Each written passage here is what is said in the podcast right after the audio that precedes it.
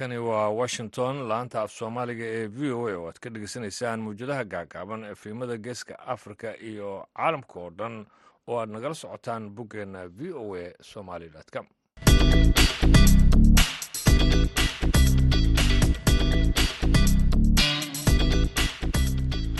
door wanaagsan dhegeystayaal dhammaantiinba waa sabti tobanka bisha sebtembar sannadka labada kun iyo laba iyo labaatanka. Afrikada bari saacaddu haatan waxa ay tilmaamaysaa kowdii iyo barkii duurnimo halka washington ay ka tahay lixdii iyo barkii subaxnimo. Idaacadda duurnimo ee barnaamijka dhallinyarada maanta waxaa idiin soo jeedinaya anigu ah ibraahim xasan daandure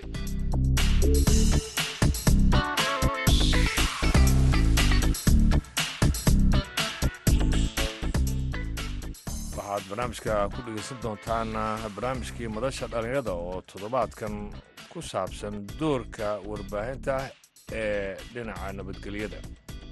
Meeshaasaanu gollay halkaasaanu isku waraysanay war magaalada dadka degan baynu ka midnahay ku nool ka shaqaysta.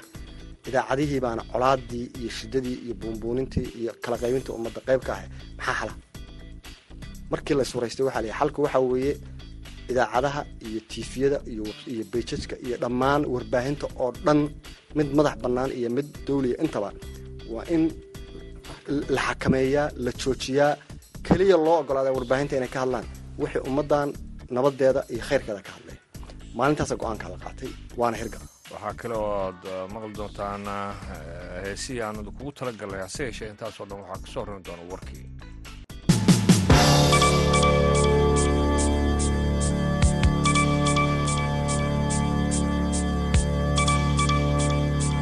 ogayaha guud ee qaramada midoobay antonio guteres ayaa booqasho ku tegay dalka bakistan si uu u indhendheeyo xaaladda bini-aadminimo ee ka jirta halkaasi.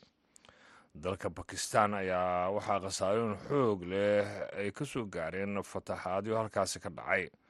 Antonio guteres ayaa sheegay in dalka bakistan uu ka mid yahay meelaha sida daran ay u saameeyeen cawaaqibka ka dhashay isbeddelka cimilada dalka bakistan oo ay ku nool yihiin in ka badan laba boqol iyo labaatan milyan oo qof.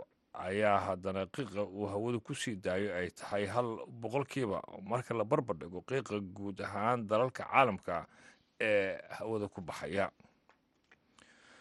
Ciidamada dalka ukrain ayaa guulo cusub. Waxa ay ka sheegteen weerarkooda ka dhanka ciidamada ruushka ee ku sugan bariga dalkaasi iyaga uu la wareegay tuulo aada u weyn waxaana la sheegay inay ku sii siqayaan dhanka isgoosida gaadiidka ee muhiimka ah. Diblomaasi sare oo maraykan ah iyo madaxa nato ayaa xusay horumarka la gaaray balse waxa ay ka digeen in dagaalku uu sii soconayo muddo bilaa madaxweynaha ukrain valadimir zelenski ayaa waxa uu ku bogaadiyey milatariga guulaha ay ka gaareen bariga isagoo sheegay kuna sheegay khudbad uu jeediyo oo muuqaal ahayd in ciidamada ukrain ay dib u qabsadeen in ka badan soddon deegaan oo ku yaalla gobolka kharkif tan iyo markii uu bilowday weerarka iska caabinta ah ee halkaasi toddobaadkan. Warkiina.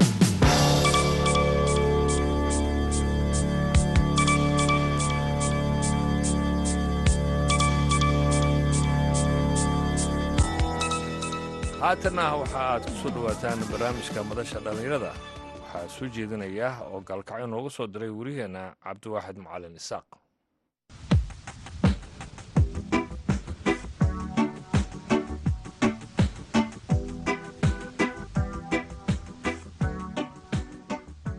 Kulanti wacan dhegaystayaal ku soo dhowaada barnaamijka madasha dhallinyarada idaacadda v o e da toddobaadkan barnaamijka hadduu eebba idmo gaalkacyo ayuu idinkaga imaan doonaa muddooyinkii ugu dambeeyey xaaladda nabadda gobolka mudug ayaa ahayd mid aad u wanaagsan. Kadib dadaallo ay sameeyeen maamulada gobolka ka arrimiya iyo madaxda dowlad goboleedyada iyo qaybaha bulshada. Kadib dadaalkaasi waxaa qayb ka ahaa qaybaha warbaahinta gobolka mudug. Warbaahinta gobolka mudug oo xakamaysay xaaladihii colaadda gobolka mudug ayaa u dhaqaaqday dhinaca horumarka gobolka. Toddobaadkan barnaamijka waxaa marti iigu ah qaar ka mida saxafiyiinta ka howlgala gobolka mudug iyo mas'uuliyiinta warbaahinta gobolka.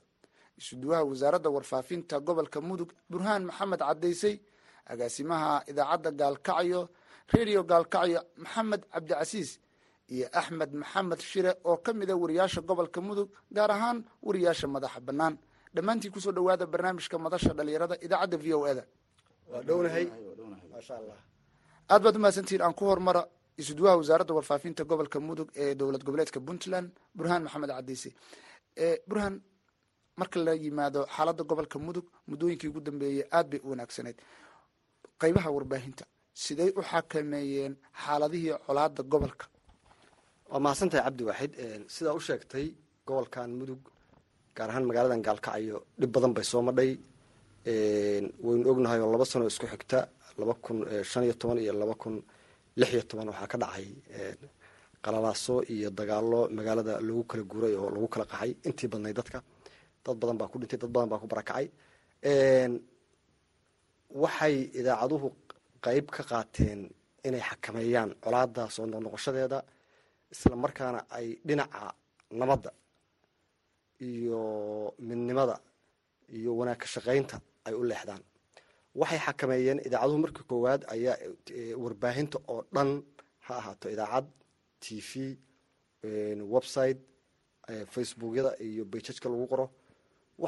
Dhammaantood waxay isugu yimaadeen iyo ururadii warbaahinta oo markaa qeyb waxaa ka ahaa guddoomiyihii ururka warbaahinta puntland ee la yidhaahdo mab faysal khaliif barre oon aad iyo aada ugu mahad celinayo ayaa qeyb ka ahaa oo nagala soo qeyb galay barnaamijkaasi maalintii aanu isku nimid labadeeda dhinac waxaanu isugu nimid goob u dhexaysay aanu islahayn markaas waa ugu dhowdahay inay labada qoloba. Sababtoo a labadeeda dhinac midna midka dhinaca kale uma gudbi karin oo waxaanu ka baqaynay in dhibaata dhacdo. Marka annagoo aada uga taxadarayna amnigayaga ayaan waxaan isugu nimid goob la yidhaahdo bakhaarada oo badanaa ganacsiga suuqa iyo ay u dhow yihiin oo aanu isugu nimid oo laftigeeda wax ka dhaceen markaas wadooyinkeedu waaba xiraayeenba baan filaya markaa.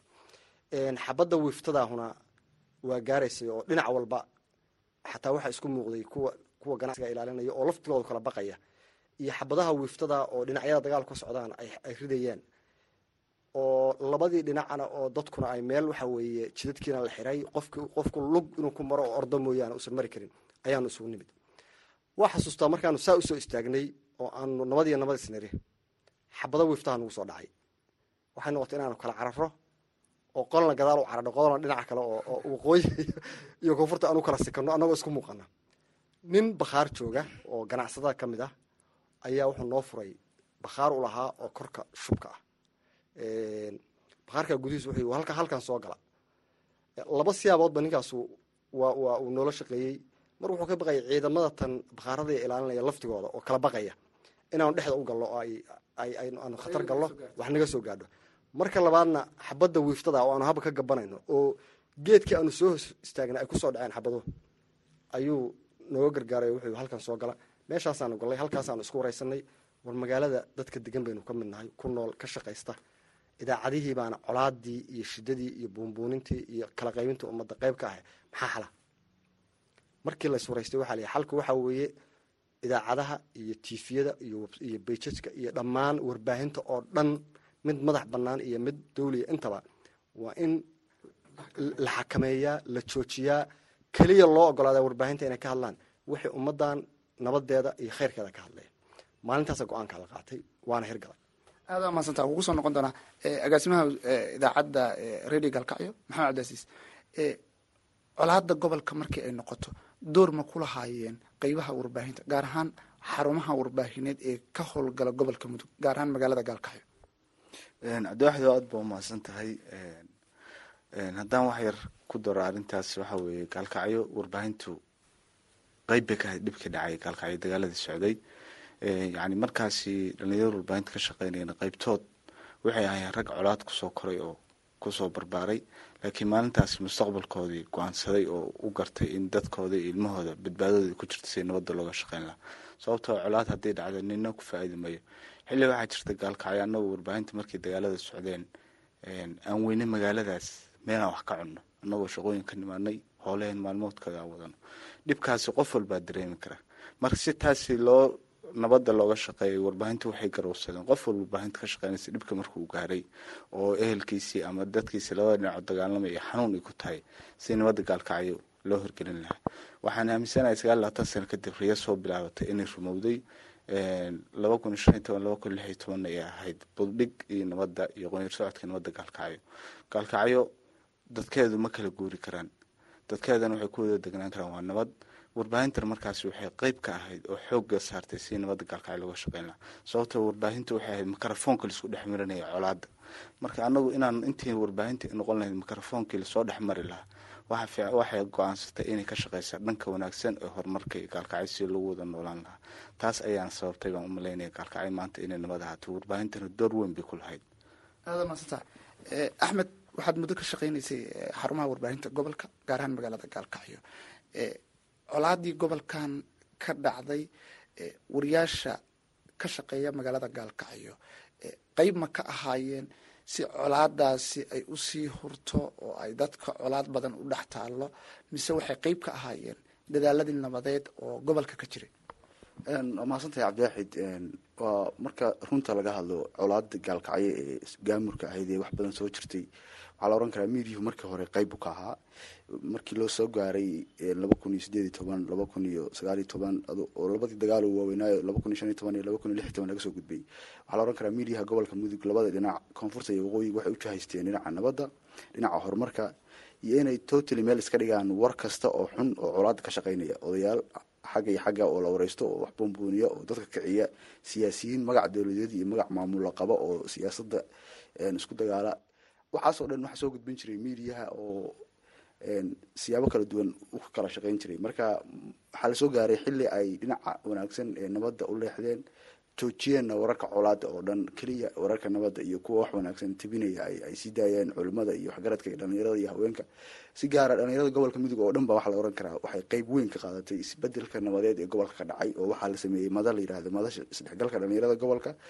Miidyuhuna qeyb weyn buu ka ahaayo warar wanaagsan oo madasha ka soo baxayay unbuu baahinayay dhinac waxaan marta qirayaa oo dadka gobolka jooga o dhan ay qirsan yihiin in miidyuhu uu ahaa awoodda ugu weyn nabadaasi ay ku hirgashay.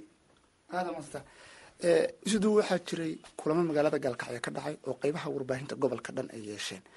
Kulamada waxaa qeyb ka ahaa in la xakameeyo wararka colaada ku salaysan. Yay ahayd cidda mas'uulka ka ah ee ku kontaroleysay xarumaha warbaahinta iyo wariyaasha gobolka inaan la baahin war colaad ku salaysan. Markii aanu maalinta isku nimid waxa ugu muhiimsan oo aanu qaadanay ilaa haddana hergalay waxaa weeye alxamdulilah in qof walba xarun walba mas'uul ay ka tahay waxa ay sii daynayso. Isla markaana la ballan qaado oo halkaas lagu joojiyo wax kasta oo ummadda kala qaybinaya colaad keenaya isku diraya. Waxyaalaha maalintaas aan la kulanay waxaa ka a haddaan haddaan wax yar dib u noqdo. Nin dhalinyarada ka mid ahaa wariyaasha ayaa wuxuu yidhi colaadu nin walba waxaa lii nin aysan saamayn miyaa jira colaadu? Nin baa wuxuu yidhi aniga xalayto idaacaddii aan ka shaqaynayey ayaan waxaan ka sii daayey warar barabugaando ah oo ah magaalada inay qolo walba ciidan soo dhoobtay xagga iyo xagga ay qolo walba ka wareegtay berrina lagu kala baxay buu yidhi. Wuxuu yidhi markaan ka soo tegey oo aan gurigii imid oo idaacaddii soo xiray buu yidhi. Waxaan idhi gurigayagio reerkii oo qaxay oo lagu kala tegay markaasaan waxaan wacay buu yidhi iyo hooyaday iyo xaaskayga baan wacay. Maxaa idinku dhacay saaliya? Soo adigu hadeer ma ad akrinayn in magaalada berri lagu kala baxayo oo qolo walba ciidan ay keentay. Yidhi saamayntii ugu badnayd colaadii anay ugu yeeratay. Waayo reerkaygii iyo wixii markaan la hadlahayo waxay sii marayaan b soddon kilomitr bay magaalada dhaafeen marka maalintaas waxaan iri war walba saas sidaa iyo si lamida u samaysay mid walba carruurtiisaa qaxday magaciisii marka waxaa weeye inaanu colaada meeshana waxaa joogay maalintaas. Inaa colaada la joojiya aanu ku heshinay maalintaasna meesha waxaa joogay oo isugu nimid waxaa weye tafaftirayaashii agaasimayaashii wariyayaasha ugu muhiimsanaa oo iyaguna magaalada tan aada uga soo shaqaynayay oo idaacadahana muhiim ka ahaa kulligay aanu isugu nimid meesha. Ballan baa la wada qaaday. Ballantaas xataa waxaanu gaarsiinay in dhallinyarada xataa kale oo inaga naga madax banaan lagu dhiirigeliyo in la joojiyo waxyaalaha aan lagu qorin wax barabugaanta ah wax dhibaato ah. Alxamdulilah arrintaas way hirgashay. Boqol kiiba boqol. Waxaan rabaa inaan aad iyo aada ugu mahad celiya iyadana kadib inay idaacadaha laftigooda samaysteen. Urur joogto xarun joogto ah oo ay ku meel centro bay samaysteen si gooniyana uga wada hadlaan. Weliba idaacadaha magaalada ka shaqeeyo fmta fmyada ah oo dhinac walba ku yaalla xarun gooniya samaysteen si gooniya wada socdaan waa isku xiran yihiin. Inteeda kale warbaahintana guud ahaan meel kastoo aan joogno.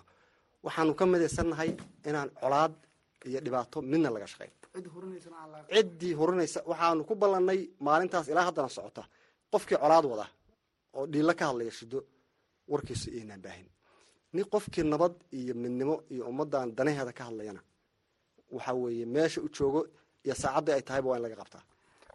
Waxaa kaloo jira mararka ay noqoto colaadaha gobolka ay ka dhici jireen. Waxaa jira odayaal iyo mas'uuliyiin warbaahinta isu maraya hadalla kulkulan iyagu sidee lagu xakameynaya. Dhibaatada ugu weynba waxay ahayd oo dadka isku diraysa oo wadi waxay ahayd oday dad ama mas'uuliyiin sheeganaya ama odayaal sheeganaya oo fidno keliya kaga hadla idaacadaha dadka aanu isaga nimidba maalintaas in warkooda la joojiyo oo maca haddii madaxweyneyaasha maamulada ay ka hadlaan colaad. Waa inaan la baahin baana go'aan ku gaaray. Marka haddiiba la yidhi madaxda ugu sarreysa maamulada tan waa inaan warkooda colaadda ku saabsan la baahin. Dee odayaashiina halkaasi daad ku qaada ayagana. Waa u dhammaatay saasaa dhammaan lagu heshiiyey. Sidii bayna ku hirgashay aada maasanta agaasimi markii hadda aad noqotay in la xakameeyo dadka wararka colaada ku salaysan ma jiraan wax culaysyo ah oo qeybaha bulshada idinkaga soo laabtay. Waa qasab taas sababtoo qof shalay meesha uu mikrofoonkii u marsanayo colaadii waxaa caqabado badan baa imaanaysa waxaa lagu leeyahay ma baqdeen oo malini cabsi geliyo malini dhaarta marka taas si bedelkeeda waa khasab imaanaysay odayaashu waana muxuu ahaa wayna wayna soo wacayeen xiriiro joogtaa ban la sameynaya. Qaybtoodna waxay sameynaya inay xarumaha noogu imaadaan oo dhahaan wararka naga qabta khasab nooga duuba. Si taas looga baaqsado marka waxaan sameynay xakameyn in muxuu ahaa dadkii aan meesha uu rabay inuu colaada diro inaanu dhahno war ku bedel nabadda inaa ka hadashaan. Oo baaqa samaysaan colaadda haddii dhacdana inaa dhanka wanaagga aan laga hadlo. Sababtoo dhanka wanaagga mar walba waa ka fiican waana ka saameyn badan tahay colaadda. Marka sitaa waa dhici kartaa oo dadka deegaanka mararka qaarkood inay caqabad kugu noqdaan u dhahaan warniyo ma dhankaas kalaad la shaqa bilowday oo ku biirteen oo raggaas waa wax kaxagooda dhinaca kalea noqoteen. Miyaada dhankaan ad u dhalano? Annagii haddaan colaada ka hadalna maxaa warkeena u baahan weydeen? Marka taasi caqabadeed waxaa looga gudbay inaan dadka u sheegno dhanka wanaagga ah inay ka hadlaan. Marka taasaana lagu xakameeya u malaynaya colaadii jirta gaalkacyo. Aada axmed dhalinyaradii gobolka muddada ka shaqeynaysay warbaahintaad ka mid tahay. Waxyaabihii kuula cajiibka badnaa markay noqoto tabinta warar colaad ku salaysan maxay ahayd wallaahi cabdiwaxido waxyaaba badan oo cajiiba gobolkan ka dhacay. Waxaan u malaynaya gobolkan wuxuu ahaa gobollada ugu saameynta badan ee colaadaha wadanka ka jira ay dhibaatada u geysteen.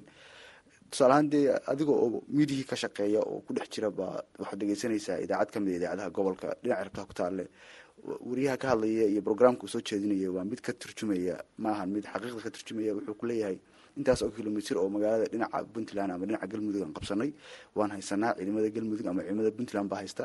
Waana been oo adigu waad ogtahay in waxaana been yihiin ama brograamkan uu yahay mid la sameeyey ama la jilayaba.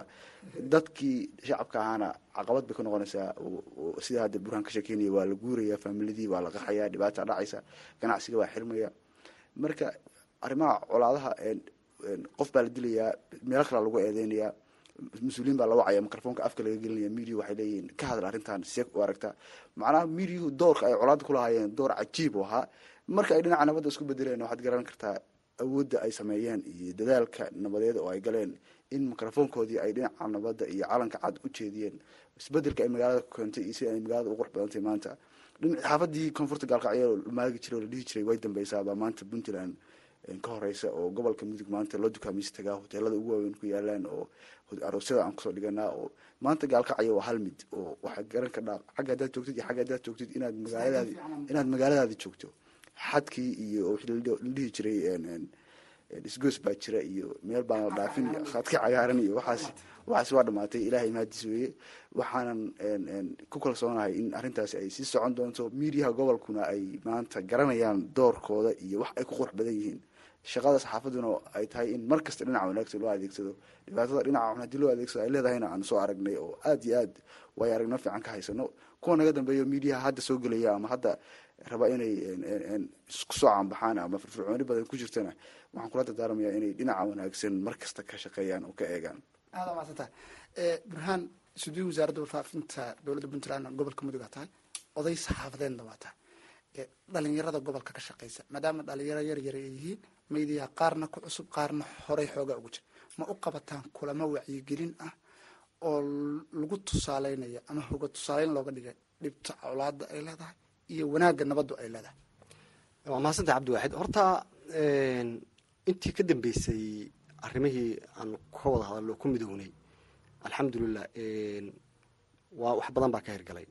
Way jiraan kulamo dambe iyo tababaro dambe oo la qabtay oo ururada saxaafadda soomaaliya iyo kuwa puntland iyo kulli ay gacan naga siiyeen oo wariyaasha la isugu keenay labada dhinacba weliba inta badan waxaa la isku dayaa kulan walba tababar walba oo ku saabsan saxaafadda in labada dhinacba la isugu keeno isla markaana waxyaalaha awoodda la saaraba waxaa ka ah sida ugu wanaagsan oo wararka maxaan ku loo tabiyo ama loo sameeyo iyo sida conflictiga la isaga ilaaliyo oo aysan saxaafaddu uaruurin u abuurin iska horimaad iyo dhibaato. Marka way jidhaa isku xirnaansho iyo tababaro intii la awoodo inkastoo aysan badnayn tababaradu ay u baahan yihiin mar walba dhaqaalo haddana intii la awoodo oo aanu ay noo soo madhaa maxaanku ama ay gacan naga siiyaan ururada saxaafadda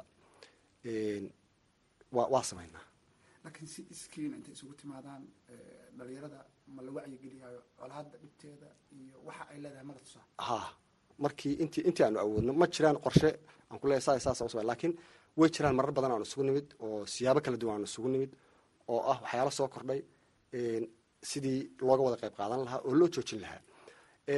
Waayo mararka qaarkood waxaa dhacaysaa waddanka abaaraha ka jira. Marka abaarahaasoo kale marka la isugu yimaado dhinac baa la isugu guuraa.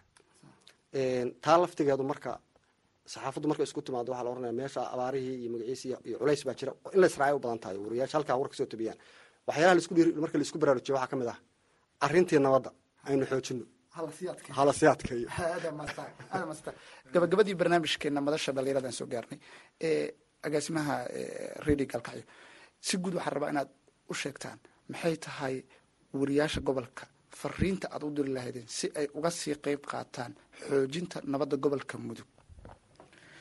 Cabdiwaxid aada baa umahadsan tahay gabagabada fariinta halkan dhalinyarada warbaahinta ka shaqeysay guud ahaan shacabka gobolka mudug. Qeybihiisa kala duwan. Nabaddu waana wada deeqdaa waanu ku wada nool nahay waana ilmaheenaanu ku nool.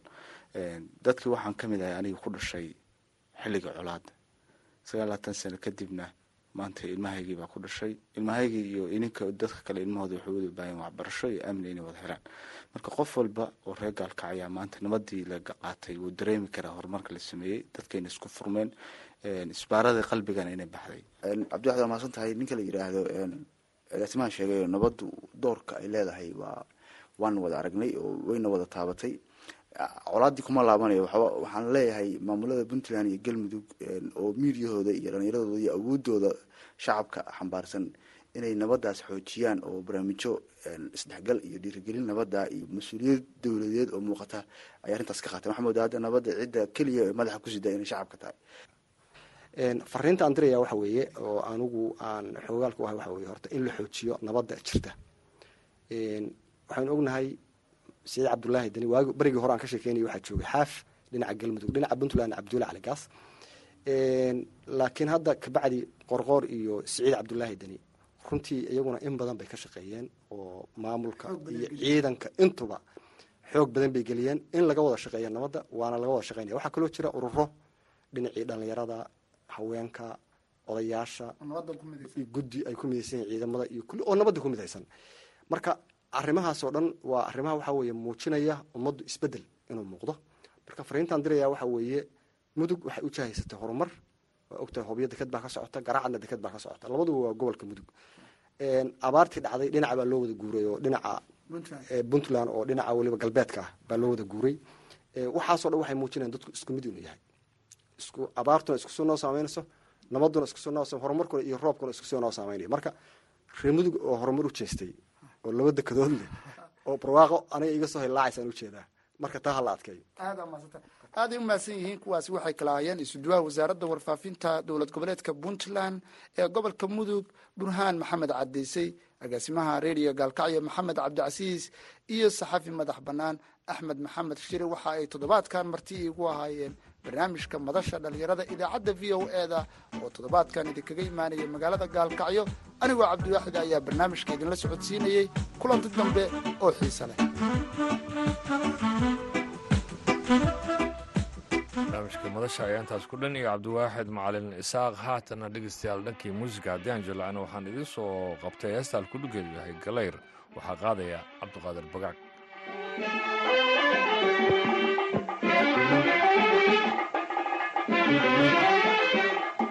galowga iyo haadii argoni meeraba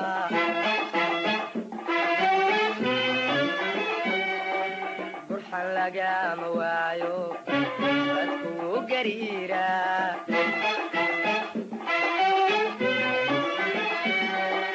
galowga iyo haadii argoni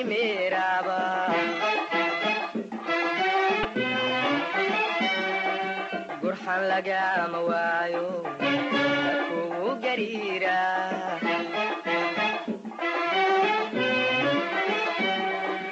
cadaa qurux goobeediyo aybaad gaar ahaaneed ulaaw ku siiyo giddigood ku dhaafe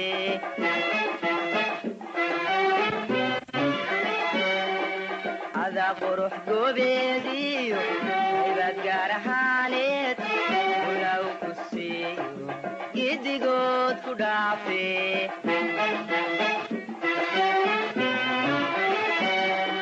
adaa gesiyon biqine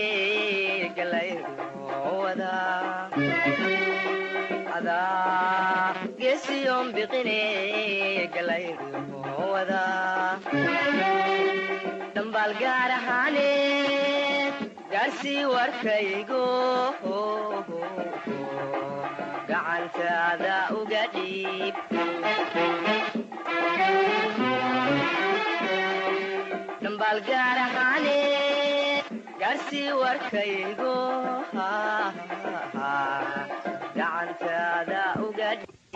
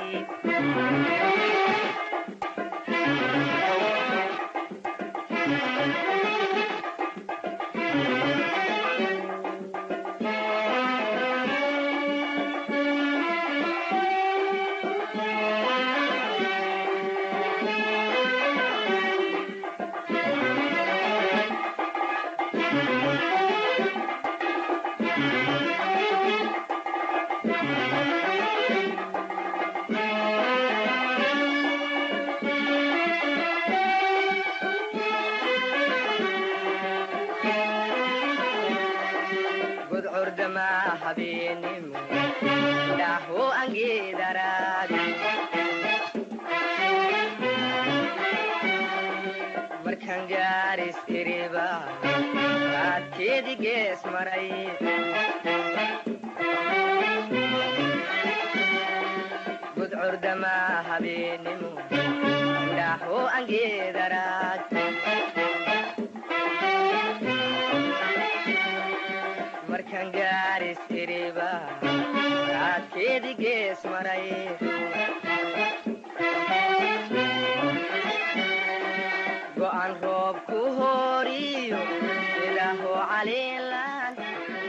heestaasina waxaa ay ugu dambeysay dhegeystayaal idaacadda duhurnimo ee barnaamijka dhalinyada maanta. Intaan markale ku mid doono waa anigoo ibraahim xasan daanduro inale nabadgelyo go'an roob ku horiyo ilaaho caliilan ole orod ku dhaafoon haraad geesta ula dhacay.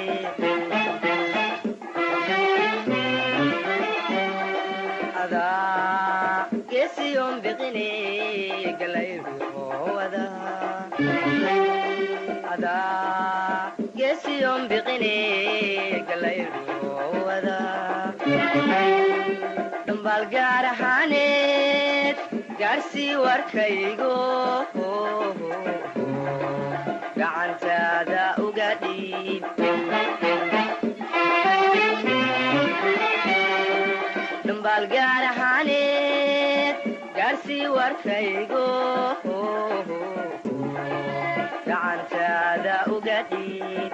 dhambaal gaar